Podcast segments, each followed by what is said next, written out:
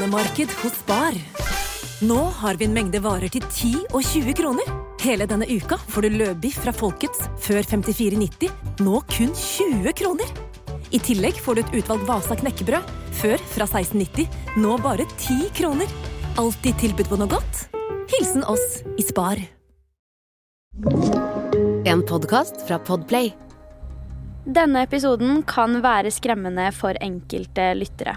Om du er yngre eller sensitiv til drap, forsvinning eller beskrivelser rundt slike hendelser, så anbefaler vi at du lytter til episoden med noen du stoler på, eller skrur av.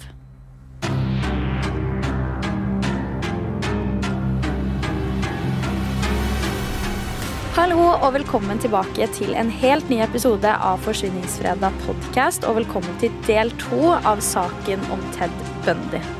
Dersom du ikke har hørt del én, så vil jeg absolutt anbefale deg å høre den først. For der snakker vi mye om barndom og oppvekst, og også hvordan Ted Bundy ble som han ble.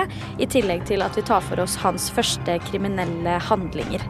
Mot slutten av episoden kom vi også frem til at i 1975 skulle Ted begynne å herje i staten Colorado, så la meg fortelle deg om hans aller første offer i denne staten. Hans første offer her er 23 år gamle Karen Eileen Campbell den 12. januar 1975. Hun ble sist sett mens hun var på vei inn til hotellrommet sitt igjen, og da gikk i gangen på vei bort. En måned senere blir det nakne liket hennes funnet rett ved en grusvei like i nærheten av hotellet. Obduksjonsundersøkelsen av 23-åringen viste at hun hadde dødd av stump vold, og man fant også en rekke kutt på kroppen hennes generelt. I Colorado hadde Ted tre dokumenterte ofre til etter dette, før han returnerte til Salt Lake City. Det er viktig å merke seg en liten ting her, for i mai 1975 fikk nemlig Ted besøk av noen kollegaer i leiligheten sin i Salt Lake City. Blant disse finner vi Carol Ann Boone, som Ted faktisk innledet et forhold med allerede etter drapet på Georgianne Hawkins året før. Han hadde da levd et dobbeltliv på det planet også, i tillegg til at han datet andre kvinner i tillegg. Men Carol Ann Boone er likevel en viktig karakter i denne historien, kanskje spesielt på den private siden. Under en måned senere, i juni 1975, møtes Ted og Elizabeth igjen, og under en samtale de hadde da, så snakka de om å gifte seg den kommende jula. Dette gjør de altså uten at Elisabeth forteller noe som helst om at hun har hatt nær kontakt med politiet under flere omstendigheter, og Ted forteller heller ingenting om Carol eller en pågående flørt med en annen elev på studiet hans. Det er klart at dette forholdet har store, mørke hemmeligheter. Teds selvfølgelig verst av dem alle. Det er i august 1975 at Ted Bundy endelig blir pågrepet etter at en politibetjent så han kjøre en Volkswagen Beetle, som er nøyaktig den bilen vitner har observert i sammenheng med ulike drap gjennom det siste året. I tillegg sto Ted Bundy på absolutt alle lister for mistenkte, til tross for at han ikke akkurat lå øverst i bunken de gangene Elizabeth var i kontakt med politiet. I utgangspunktet hadde jo ikke politiet noe grunnlag for å pågripe en tilfeldig mann i en lik bil, men patruljen som tilfeldigvis kjørte bak han denne dagen, la også merke til at han økte farten sin drastisk så fort han så politibilen. Så når bilen i tillegg er lik den de vet at gjerningspersonen har, så tar de ingen sjanser. Etter hvert stanser Ted, og politipatruljen får mulighet til å gjennomgå bilen. I bilen finner politiet det de til å begynne med antok at var innbruddsverktøy, men som senere skulle vise seg å være verktøy han hadde tilgjengelig i bilen sin, nettopp for å spontant kunne finne seg et nytt offer. Funnet inkluderer en finlandshette, et brekkjern, tau, håndjern, søppelposer og en ishakke. Umiddelbart prøver Bundy å bortforklare seg og sier at han hadde finlandshetta til en skitur, hadde funnet håndjerna i en søppelkasse, og at det resterende rett og slett var helt vanlige ting å ha i bilen sin. Politibetjenten som stoppa Bundy, fikk i dette øyeblikket et minne i hodet sitt av hendelsen mot Daronge året før, og at Elizabeth Clupfer hadde ringt en måned senere med bekymringer om at det kunne være Ted Bundy som sto bak. Han kom også på at hun hadde nevnt hvor lik han var fantomtegningen, så her var det altfor mye som klaffa. Det er totalt sett grunnen til at Ted Bundy ble pågrepet denne dagen, på mistanke om å være mannen som sto bak en rekke drap rundt om i USA.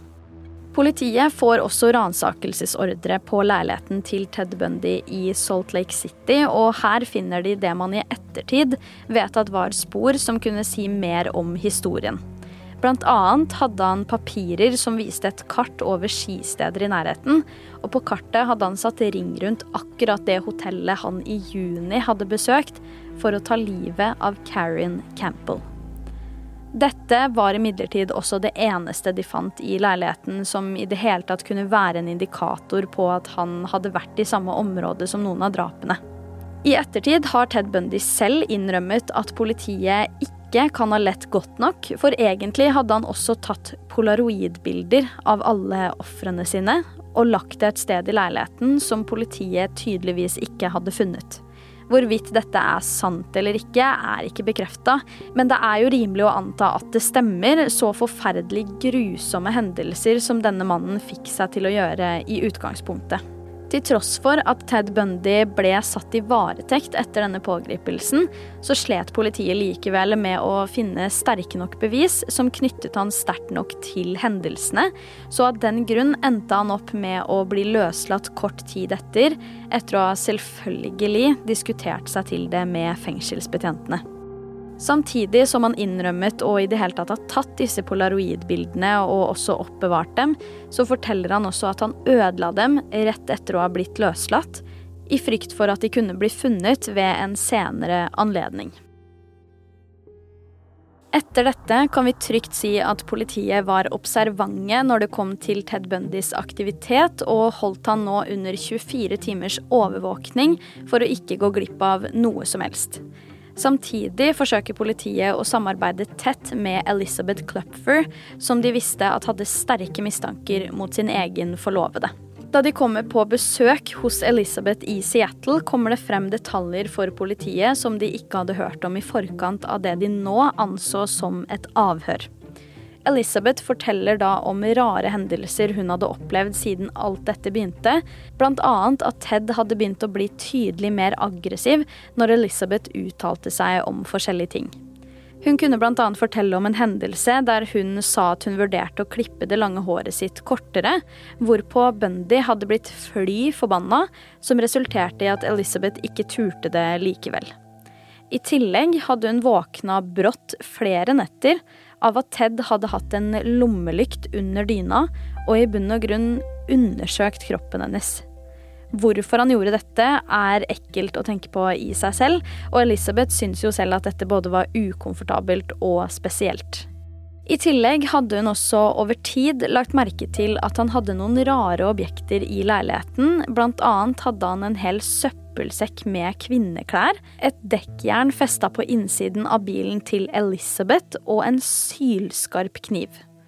Etter hvert bygget det seg opp mange ting som Elizabeth ikke bare fant ut av, men som bygget opp under bekymringen hennes, så etter hvert bestemte hun seg for å konfrontere han med det. På et tidspunkt hadde han nemlig brått fått en ny TV som Elizabeth trodde han hadde stjålet, og det var rett og slett triggeren til å ta det opp. Samtalen der Elizabeth konfronterer Ted, blir også den første gangen Elizabeth selv får føle på den mørke siden til Ted. Han sier nemlig at dersom hun forteller det til noen, så kommer han til å brekke nakken hennes. Alt dette kom jo frem i avhøret Elizabeth hadde med politiet etter den første gangen Ted ble pågrepet, men i tillegg til det kan Elizabeth bekrefte at hun ikke har vært med Ted på noen av datoene da drap har skjedd i verken Lake Sammamish, Salt Lake City, Utah eller Colorado.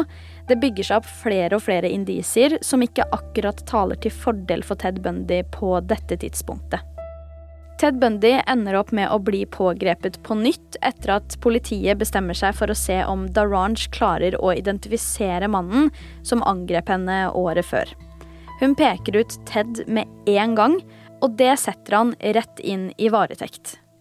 Ganske umiddelbart blir han imidlertid løslatt på kausjon som foreldrene hans betalte, men politiet puster likevel Bundy i nakken, for her vet de at de har det som kan bli en stor sak dersom de får samlet nok bevis.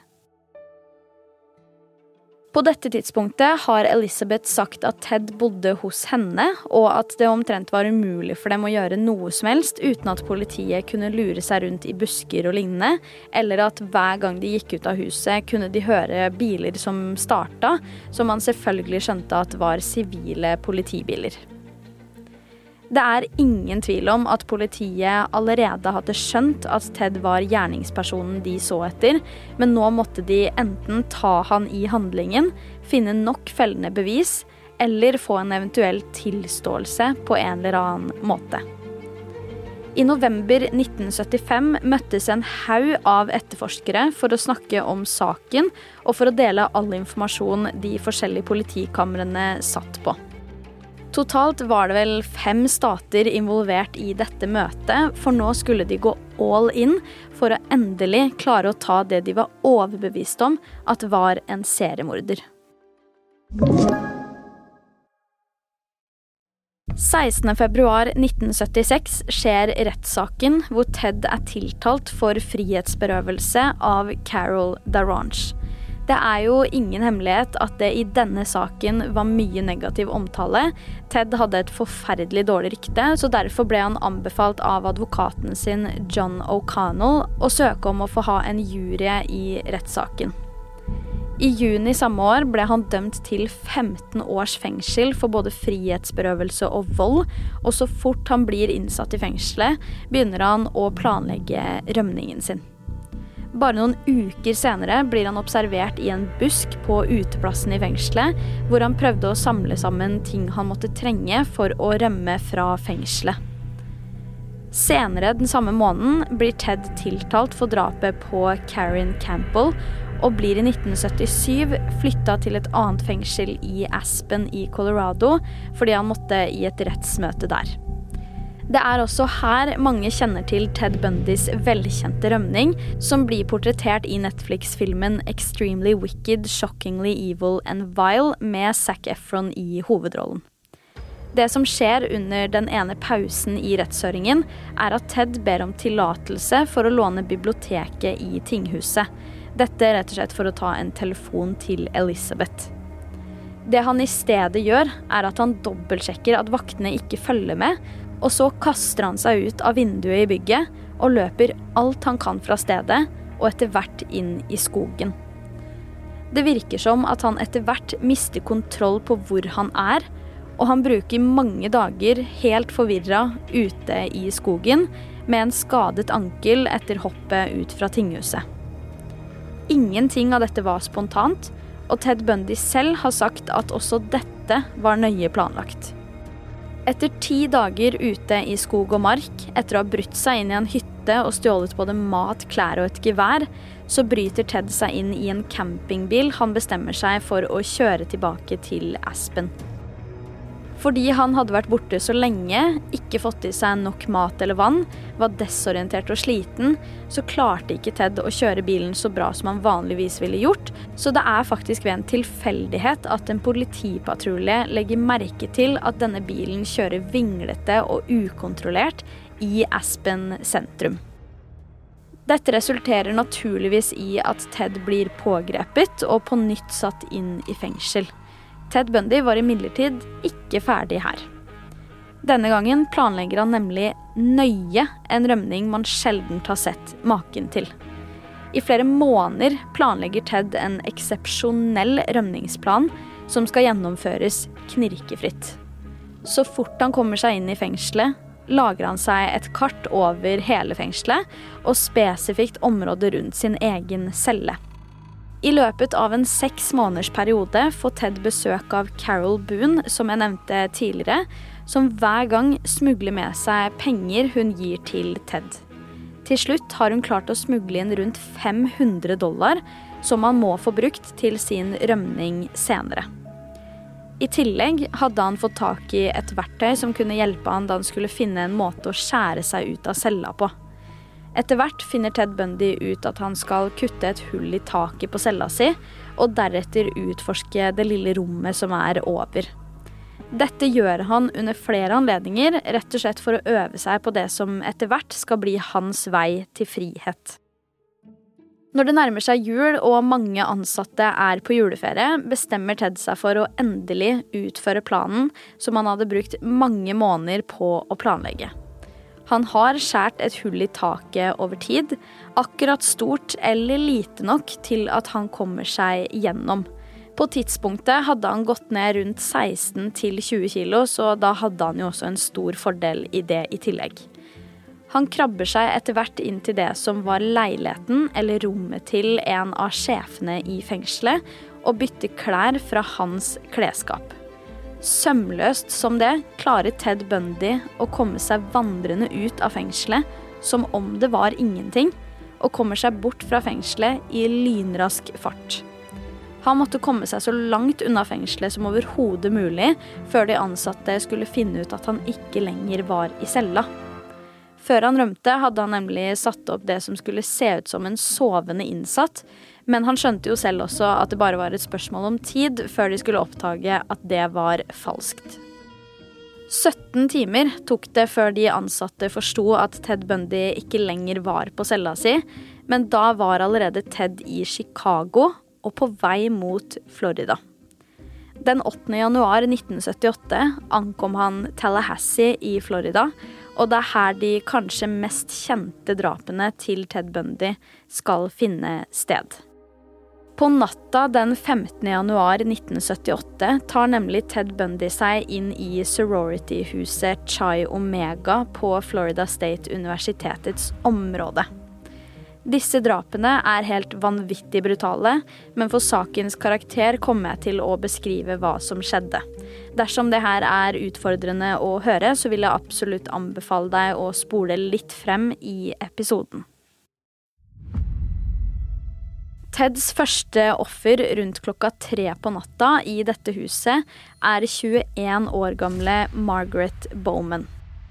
Det første han gjør, er å overfalle henne med en eikestokk mens hun fremdeles sover, før han kveler henne ved hjelp av en nylonstrømpe. Etter dette beveger han seg inn på soverommet til 20 år gamle Lisa Levy, hvor han først slår henne bevisstløs, kveler henne og biter også av henne den ene brystvorta hennes, og biter henne også dypt i bakenden. Etter å ha gjort alt dette, seksuelt forgriper han seg på henne med en hårsprayflaske han fant på rommet. To andre romkamerater overlever, nemlig 21 år gamle Cathy Kleiner og Karen Chandler, men de begge får omfattende skader og varige men. Førstnevnte endte opp med brukket kjeve og en dypt skada skulder, men sistnevnte fikk en hjernerystelse, brukket kjeve, knust finger og hun mista tenner. I ettertid har begge uttalt at de ikke tror de hadde overlevd, hadde det ikke vært for at en bil sto utenfor og plutselig skrudde på lysa sine, som lyste langt inn i huset. Kort tid etter forlater Ted Bundy åstedet i full fart, men på vei ut ser en siste romkamerat, nemlig Nina, at gjerningspersonen forlater huset. Ted drar rett fra sorority-huset og til en kjellerleilighet et kvartal unna like etterpå.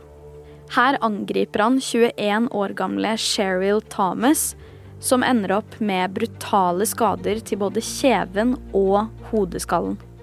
Hun selv klarte ikke å gjøre noen verdens ting, men en beboer i naboleiligheten hørte alt som foregikk og ringte politiet så fort som overhodet mulig. Da politiet ankommer stedet, finner de 21-åringen banket opp brutalt i senga si, ute av stand til å bevege seg. I tillegg har hun blitt brutalt voldtatt.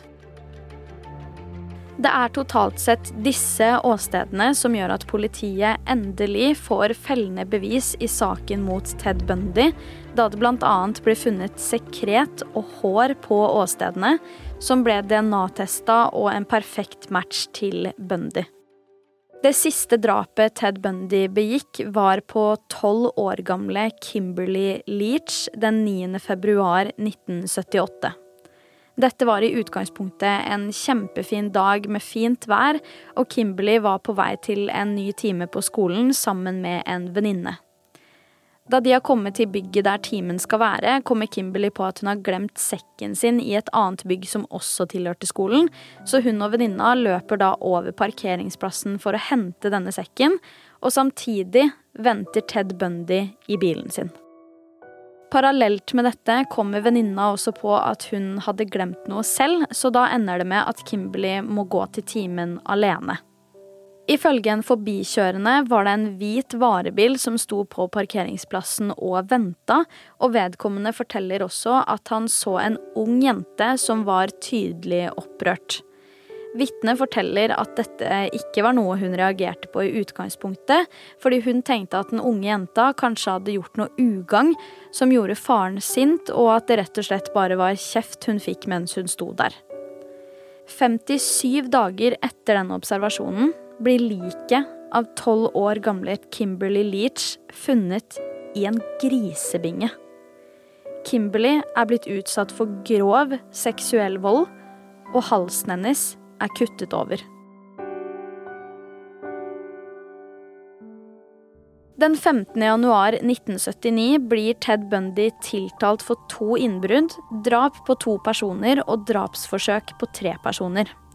Da tiltalen finner sted, spør han helt ut av det blå om han kan få snakke med pressen.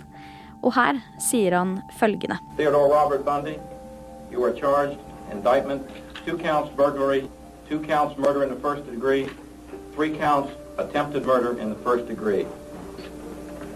Design or intent to effect the death of said Lisa Levy. My chance to talk to the press. Contrary to section 78204 Florida statute. I'll plead not guilty right now. Dette skulle vise seg å være starten på en kjempelang rettsprosess, og i april samme året får Ted beskjed om at etterforskerne har nok bevis til å domfelle han. Svaret han ga da, syns jeg er forferdelig interessant. For han svarte da at den gangen politiet finner personen som hadde begått handlingene de mente at han hadde gjort, så kom vedkommende til å bli etterforsket for et tresifra drapstall i seks forskjellige stater. Politiet har faktisk antatt at Ted tok livet av og voldtok mellom 36 og 100 kvinner i sin tid som aktiv seriemorder, og selv har han tilstått over 30. Grunnen til at politiet har antatt at det kan være opp mot 100, er pga. hyppigheten av drapene som er bekrefta, og hvor mange drap som skjedde i tillegg til de i samme tidsperiode. Ted Bundy begikk også en feil i løpet av denne rettsprosessen, i hvert fall hvis han skulle tenkt at dette skulle gå i hans favør. En av kriminologene stolte han nemlig veldig på, og en dag fikk denne kriminologen med seg Ted på en kjøretur og etter hvert til en tannlege. Dette var rett og slett for å få avstøpning av tennene hans, og kriminologen gjorde dette fordi de hadde funnet bitemerker på så å si alle åstedene og likene, så nå trengte de et teknisk bevis for at det var tennene til Bundy. Dette gjør at Ted etter hvert befinner seg i en rettssak der han selv fungerer som sin egen advokat, og er selv overbevist om at han kommer til å klare å ro dette helt i land for seg selv.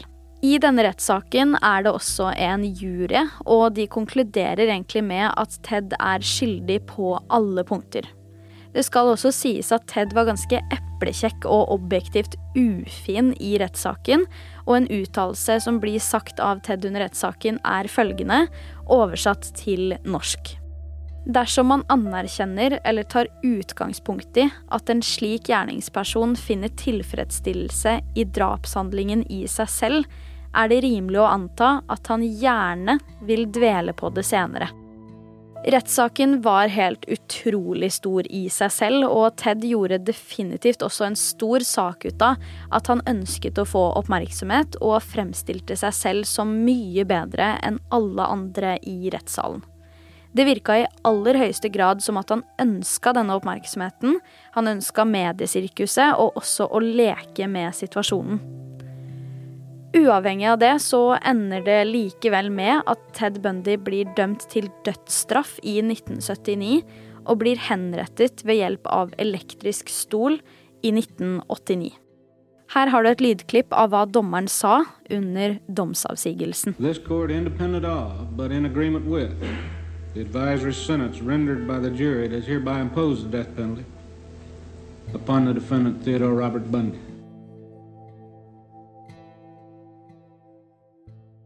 Som voksen har endelig også Molly uttalt seg om sitt liv med en stefar som skulle bli seriemorder. Ted Bundy var jo i livet hennes fra hun var tre til ti år, så hun har definitivt mange år hun har stått denne mannen utrolig nært.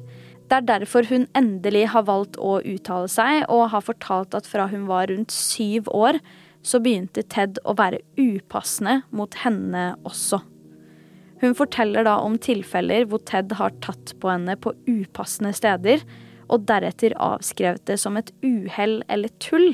Og han hadde angivelig også slått henne og satt henne i en posisjon der hun har holdt på å drukne, igjen med et uhell, ifølge han. Avslutningsvis vil jeg også vise deg et utdrag fra Ted Bundys aller siste intervju mens han sitter på death row og venter på å bli henretta.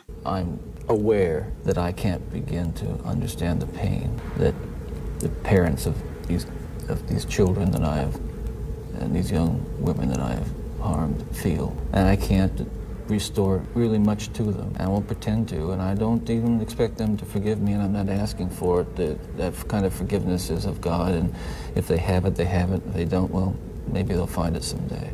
Do you deserve the punishment the state has inflicted upon you? That's a very good question, and I'll answer very, very honestly. I, I don't want to die. I'm not going to kid you. I'll kid, kid you not.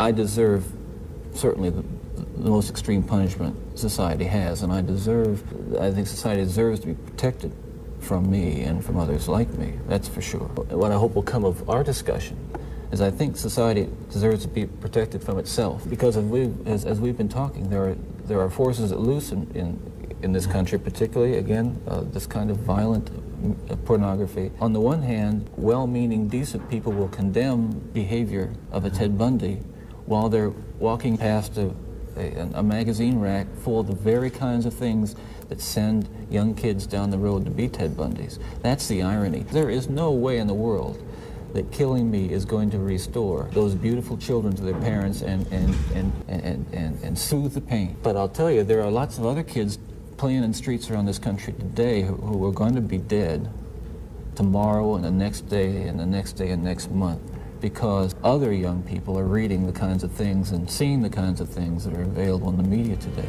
Du har hørt Forsvinningsfredag podcast med meg, Sara Høydahl.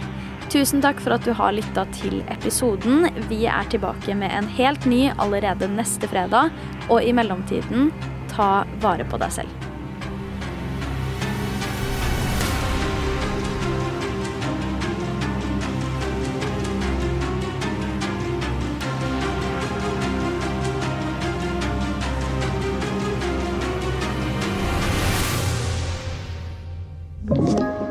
Du har hørt en podkast fra Podplay. En enklere måte å høre podkast på. Last ned appen Podplay eller se podplay.no.